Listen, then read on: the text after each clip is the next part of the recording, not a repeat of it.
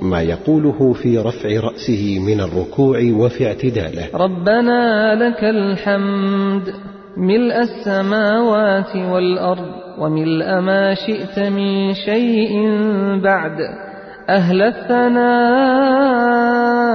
والمجد أحق ما قال العبد وكلنا لك عبد. اللهم لا مانع لما أعطيت. ولا معطي لما منعت ولا ينفع ذا الجد منك الجد.